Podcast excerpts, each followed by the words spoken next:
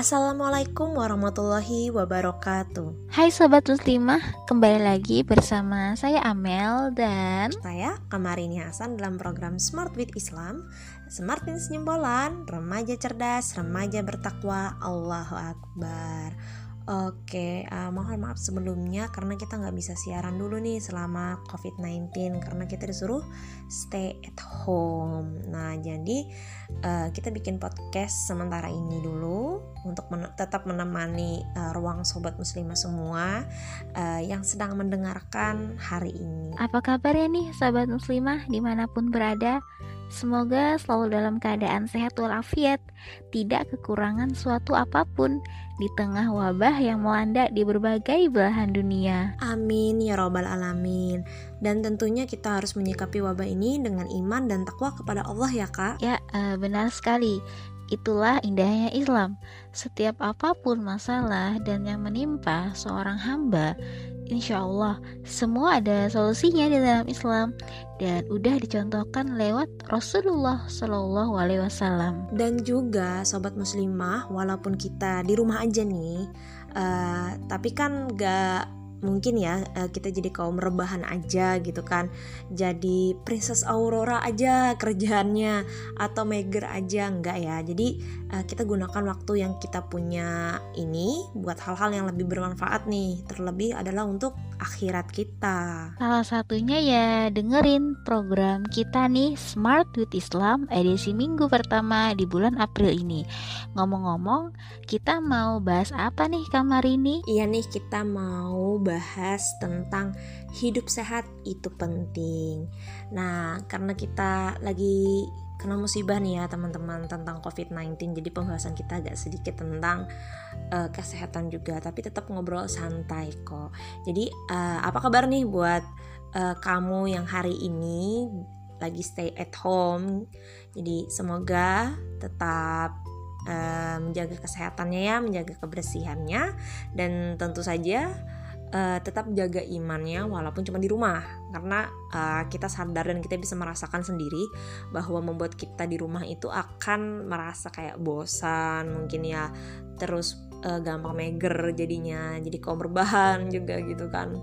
Uh, kerjaannya mungkin hanya sekitaran rumahan. Nah jadi uh, kurang lebih ya kita udah sudah lebih tiga pekan belajar di rumah tidak ke mana-mana uh, segalanya jadi uh, serba dunia maya. Jadi kayak online belajar online video call gitu kan. Jadi semuanya dilakukan secara uh, online dan di rumah gitu. Nah gimana? Sudah mulai rindu nggak nih dengan suasana belajar sekolah? Sebagai uh, pengajar juga nih kamar ini juga ngerasain oh rindu banget ketemu sama anak-anak ngajar di kelas terus uh, rekreasi keluar juga. Tapi ternyata uh, kita udah hampir sebulan ya kita akhirnya stay at home di rumah gitu. Nah jadi kangen nih dengan canda tawa bersama sahabat juga nah uh, juga nasihat langsung dari para guru gitu kan. Nah sudah mulai uh, jenuh kayak gitu kan dengan karantina yang tak uh, juga kunjung berlalu gitu kan. Mendadak semuanya jadi di, uh, kerjaan di rumah gitu kan.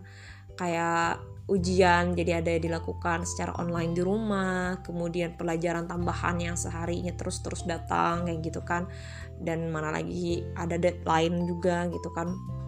Karena banyak teman-teman mahasiswa juga yang cerita katanya kan gara-gara stay at home itu tugas kuliah mereka itu uh, bergunung-gunung gitu. Nah dan juga ternyata nggak cuma mahasiswa pelajar juga demikian gitu kan yang kemudian ujian juga akhirnya ujian ada yang ujian online gitu kan dan akhirnya memang serba online kan. Uh, sempat sih ya nggak kebayang bahwa uh, itu terjadi kayak gitu kan. Uh, tidak hanya di negeri Indonesia tapi di seluruh dunia yang sedang uh, dihinggapi wabah COVID-19 ini gitu kan. Semua mendadak uh, jadi stay at home gitu kan.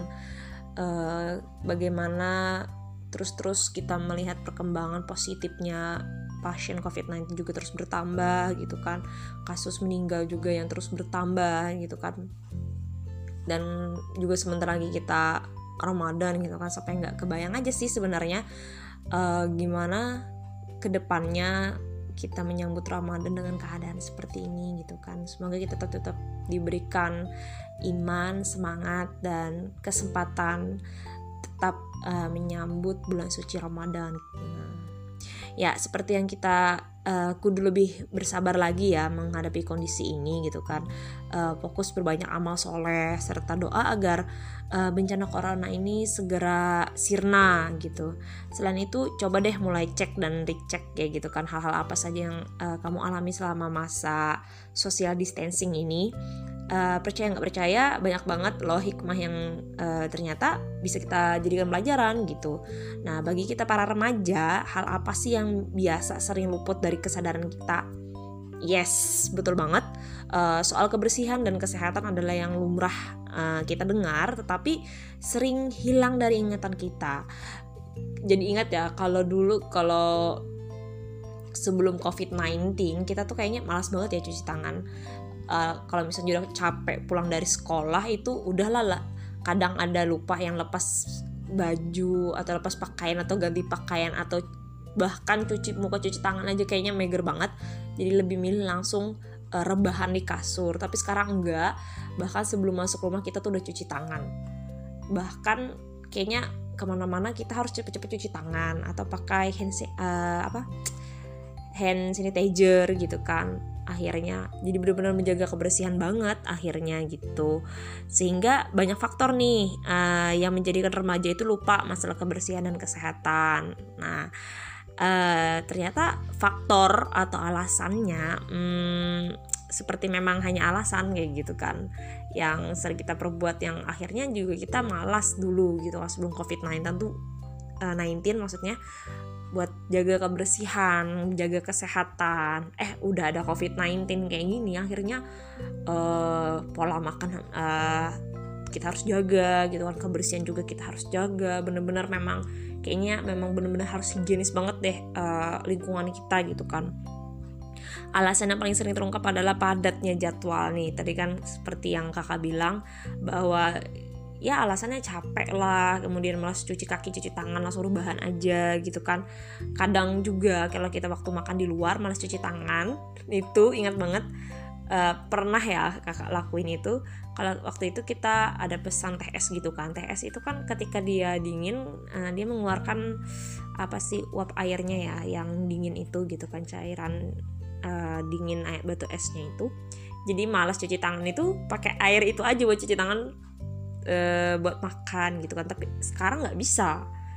Bahkan ketika kita pokoknya habis megang apa aja benda apa aja kita terus cepet-cepet cuci tangan apalagi kita datang dari luar. Nah. Jadi bener banget nih kita kita ini yang memiliki jadwal super padat ya kan? Nah udah kayak selebritas lah ya pokoknya. Apalagi bagi yang sekolahnya seharian itu berangkat pagi pulang sore belum lagi terjebak macet, kehujanan atau telat uh, telat dapat jemputan, be udah lupa deh kayak gitu kan langsung tepar aja di rumah. Betul banget nggak? Betul. Karena Kak Mari juga pernah merasakan masa-masa itu gitu kan.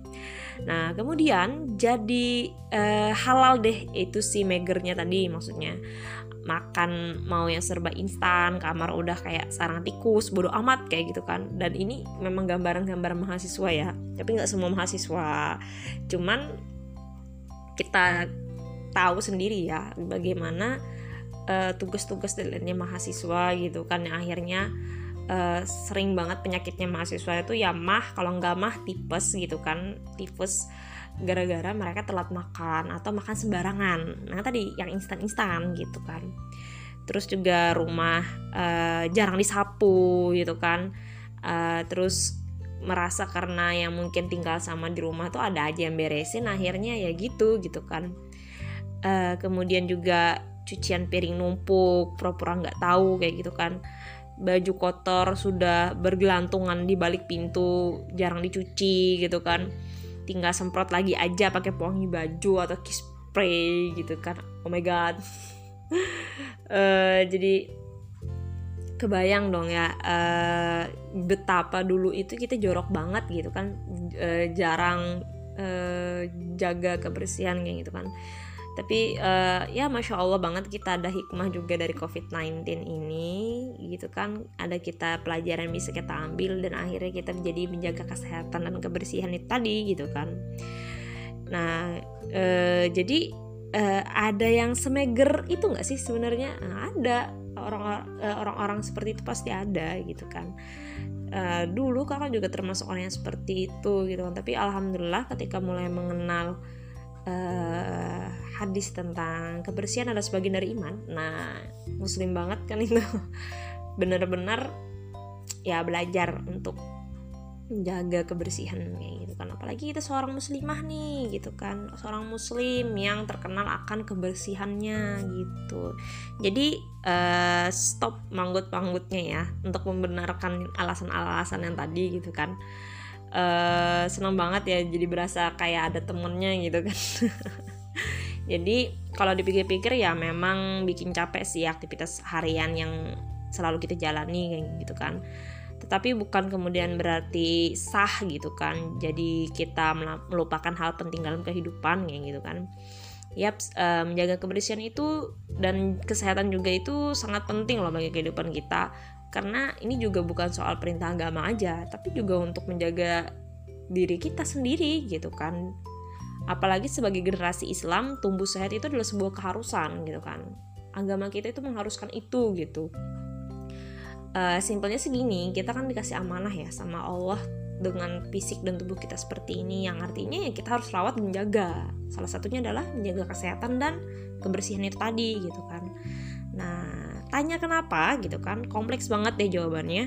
Semua kewajiban yang harus dilakukan oleh umat Islam itu menuntut kondisi tubuh yang sehat. Nah, mau aktivitas belajar, sholat, puasa, naik haji, berbakti pada orang tua, semuanya itu membutuhkan kekuatan dan kesehatan fisik kita coba deh uh, kita kita rasakan sendiri ketika kita sakit.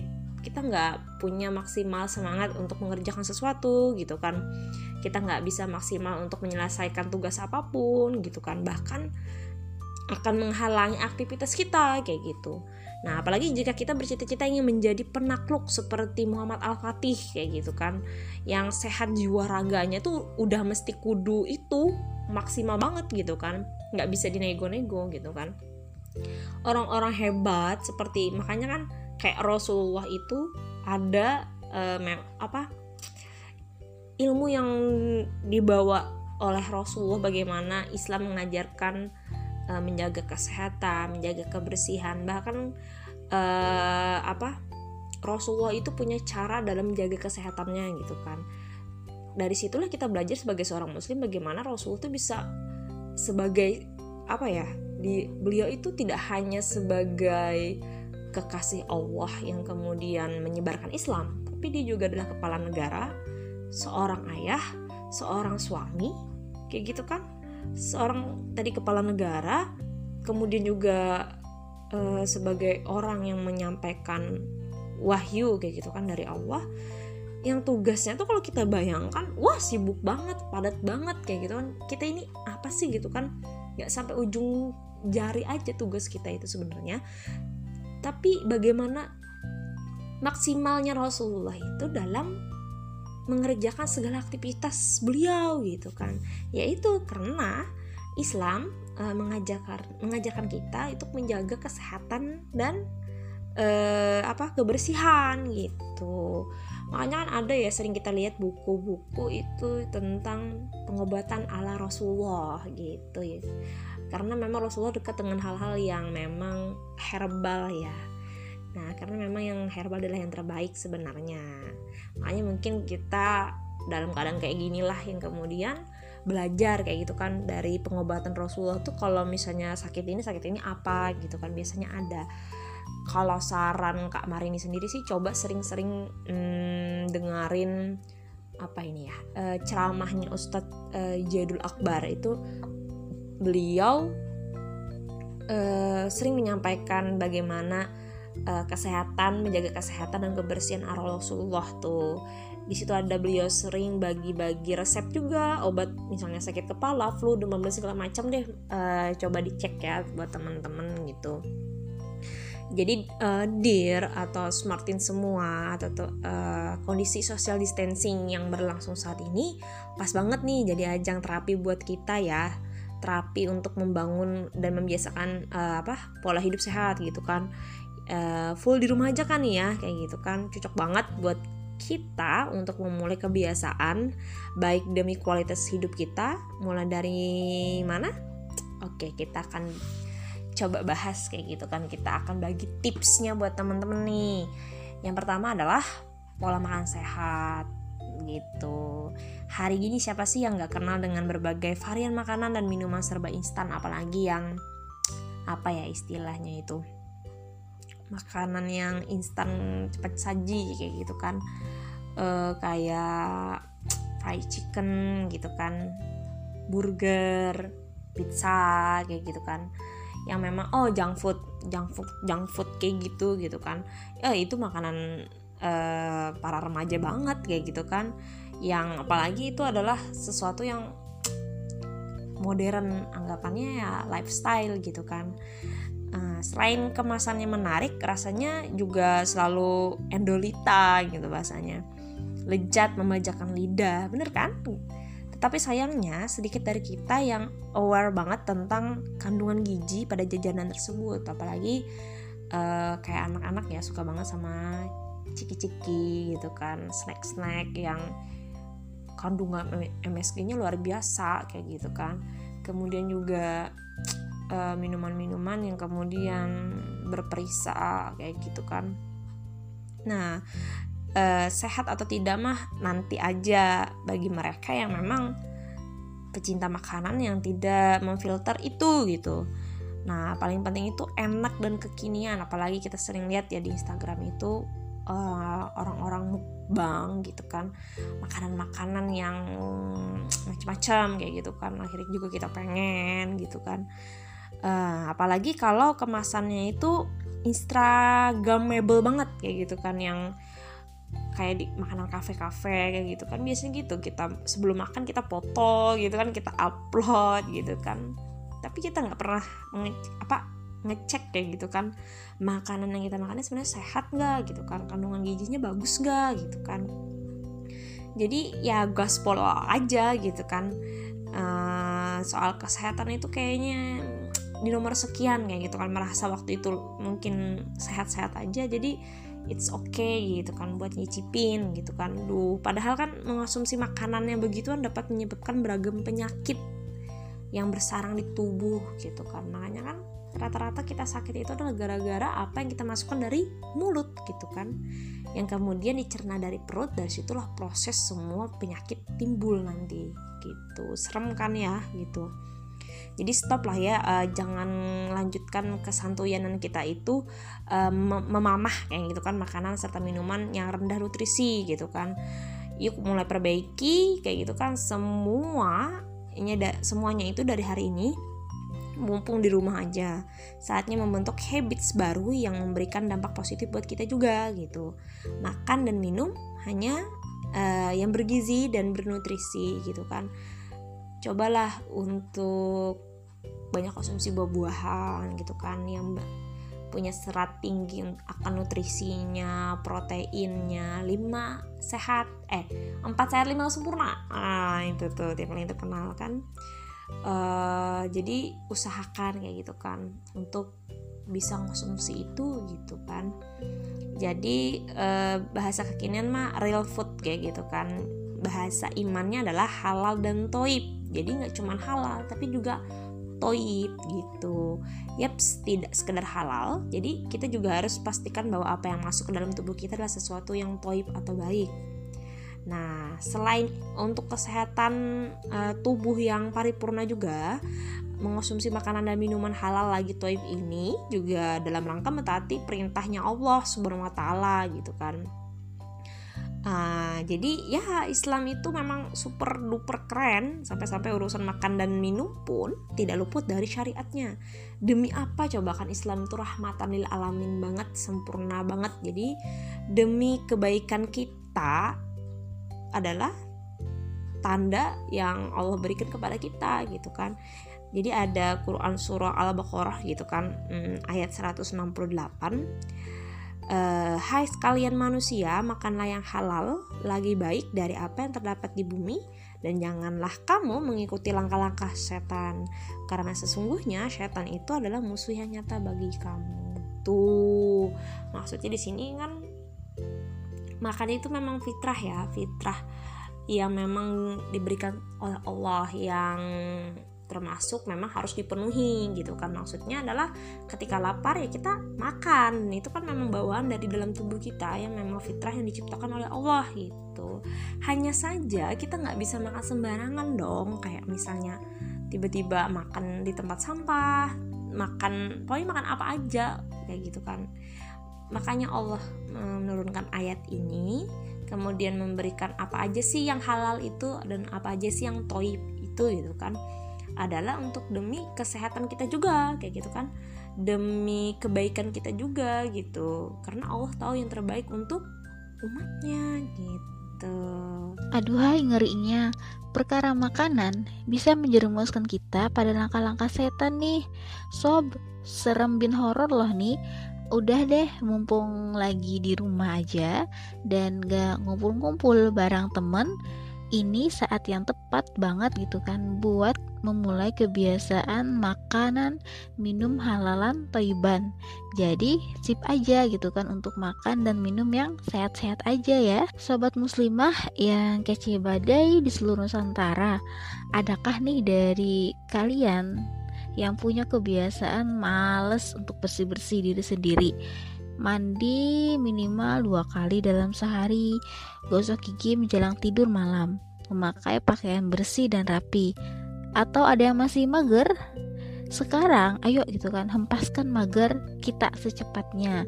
Dan e, bagaimana gitu kan mau jadi generasi unggul dan mengukir peradaban gemilang jika urusan mandi aja kita belum kelar. Padahal kan sebagai remaja yang smart with Islam, pintar dengan Islam gitu kan, perkara kebersihan diri itu harusnya sudah khotom yes gitu kan. Kita bisa kita mampu gitu. Jika selama ini magernya itu karena sudah terlalu penat gitu kan dengan rutinitas yang padat maka saat ini nggak ada alasan gitu kan. Waktu kita itu sangat lapang untuk membangun habits ya. Kebiasaan peduli pada kebersihan diri gitu kan. Nah jadi uh, ingat gitu kan. Ini semua bukan soalan gue semata. Remaja Islam bukanlah makhluk yang hanya mementingkan dirinya sendiri kan? Dan remaja soleh solehah itu juga nggak akan memandang hidup hanya sekedar dunia gitu kan. Hidup kita juga sangat berkaitan erat dengan keabadian yaitu apa? Kehidupan akhirat.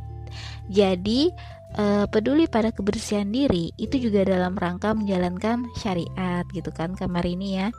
Dalam rangka taat gitu dalam rangka memperoleh banyak pahala sebagai bekal menuju surga gitu kan. Jadi kalau sudah menyangkut masalah surga itu jangan sampai lolos. Kerjakan deh apa pun dengan penuh sukacita. Kemudian juga yang harus kita perhatikan bagaimana nih kabar lantai kamar?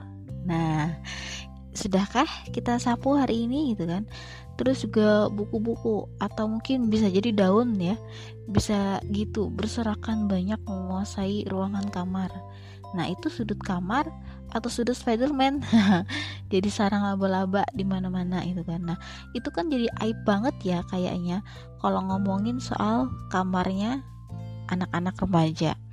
Nah, jadi kan eh, yang lalu gitu, biarlah berlalu masih ada waktu untuk menjadi lebih baik. Kapan? Hari ini dong, sekarang gitu kan. Sebab hari inilah yang pasti. Sedangkan hari esok itu masih rahasia. Jadi nggak ada jaminan gitu bahwa esok kita masih bisa membuka mata.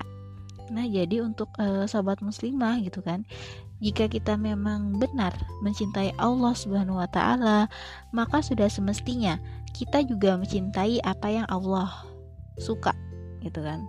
Sang pencipta itu kan maha indah dan begitu mencintai keindahan maka cukuplah ini menjadi alasan bagi kita untuk bergegas ya membereskan kamar kita agar tampak bersih dan indah bukan sekedar untuk kenyamanan tetapi juga untuk memperoleh rewardnya dari Allah gitu kan. Nah masya Allah sekali indahnya urusan dalam Islam dan juga sungguh itu luar biasa segala urusan orang yang beriman. Tidak ada yang sia-sia. Soalan beres-beres kamar aja bisa berbuah pahala gitu kan. Fabi e, ayi ala iropikuma tukaziban maka nikmat mana? Nikmat Tuhan yang mana? Itu yang mau kita dustakan.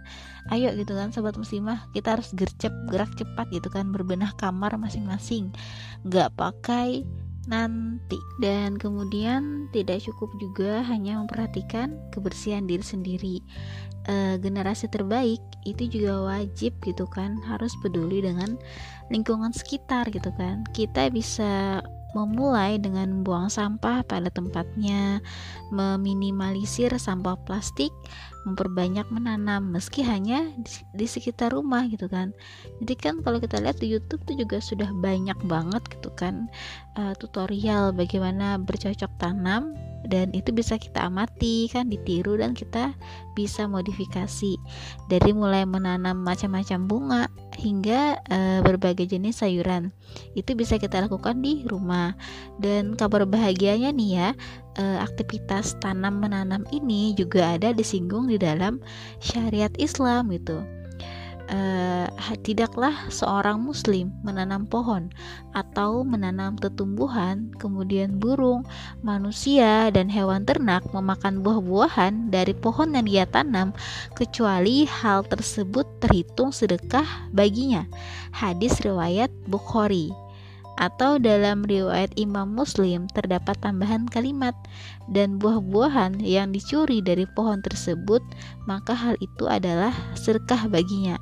Dan juga tambahan maka hal tersebut adalah sedekah baginya pada hari kiamat. Hadis riwayat Muslim Nah, jadi sampai e, luar biasa apresiasi yang Allah kasih gitu ketika manusia menjaga alam semesta, termasuk lingkungan tempat tinggal kita gitu kan. Kurang apa lagi coba? Adakah e, hal yang lebih membahagiakan daripada memperoleh kebahagiaan, kebaikan gitu kan dari Rob penguasa alam semesta? Inilah indahnya Islam gitu kan. Aktivitas apa pun yang kita lakukan mulai dari hal kecil sampai hal besar dari bangun tidur sampai bangun negara itu semuanya ada aturannya dan juga ada pahala gitu kan. Ke kamar mandi pahala. Kalau baca doa sesudah eh sebelum dan masuk uh, eh, WC gitu kan. Makan pun juga dapat pahala gitu kan. Nah jadi uh, sobat muslimah gitu sudah semakin jelas gitu kan bahwa hidup sehat itu sangat penting. Bukan hanya sekedar untuk kepentingan di dunia gitu kan uh, yang pasti sebagai seorang muslim uh, kita juga harus apa berimbas pada kedudukan kita di akhirat nanti. Jadi kan uh, teman-teman nih ayo masih komitmen nggak mau masuk surga? Kalau mau gitu kan ayo gitu jaga diri gitu kan dengan istiqomah menjalankan pola hidup sehat. Dan uh, itu bisa kita lihat dari uh, yang dicontohkan oleh Rasulullah Shallallahu Alaihi Wasallam. Nah, mungkin uh, itu dulu ya bahasan kita hari ini gitu kan. Uh, bagaimana sih sebenarnya pentingnya gitu? Hidup sehat bukan hanya tentang dunia kesehatannya tapi juga sehat ini berpahala untuk akhirat kita gitu kan. Dan juga untuk kamar ini uh, luar biasa ya pembahasan kita hari ini. Semoga uh, sobat muslimah uh, paham gitu kan apa yang sudah kami share ilmunya dan juga semoga uh, bisa dipraktekkan dalam kehidupan sehari-hari dan juga bermanfaat gitu kan uh, buat semuanya. Uh, salah hilap kami mohon maaf ya. Wabillahi taufiq wal hidayah. Uh, wassalamualaikum warahmatullahi wabarakatuh